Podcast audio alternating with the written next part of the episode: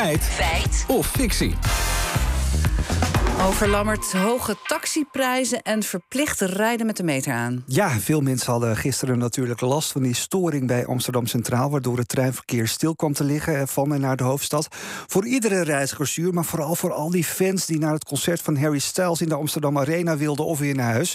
Taxicentrale Amsterdam liet vanmorgen aan het ANP weten dat ze de vraag naar taxis gisteren enorm zag toenemen. Ja, niet alleen de vraag, want ik zag dat de kosten voor een Uberritje van Utrecht naar Amsterdam al snel opliep tot 200 euro. Ja, en ook bij die taxicentrale Amsterdam kregen wij mee inderdaad van mensen. Omroep Gelderland bericht al eerder dat de kosten voor een taxirit tijdens evenementen en op feestdagen omhoog lijken te schieten.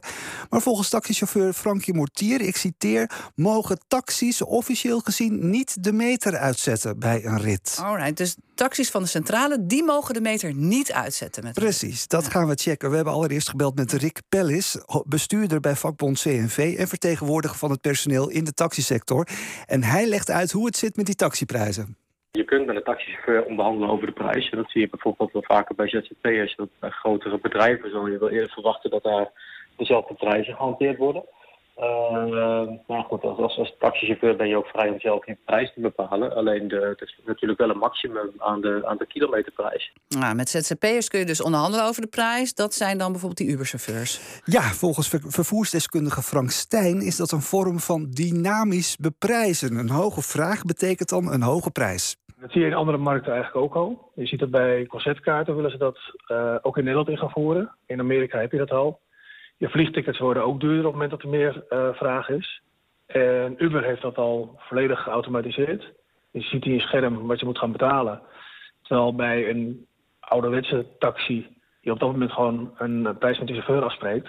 Ja, en is men dan maar wat de gek ervan wil geven. Oké, dat zegt de vervoersdeskundige. Maar die Rick Pelles die we net uh, hoorden, die noemde ja. ook dat er bij taxis van een centrale dus een maximum aan de kilometerprijs zit. Ja, maar er is volgens Pelles nog wel ruimte voor onderhandeling. Je kunt natuurlijk wel praten over een starttarief. Uh, dat moet dan wel van tevoren afgesproken worden met de chauffeur.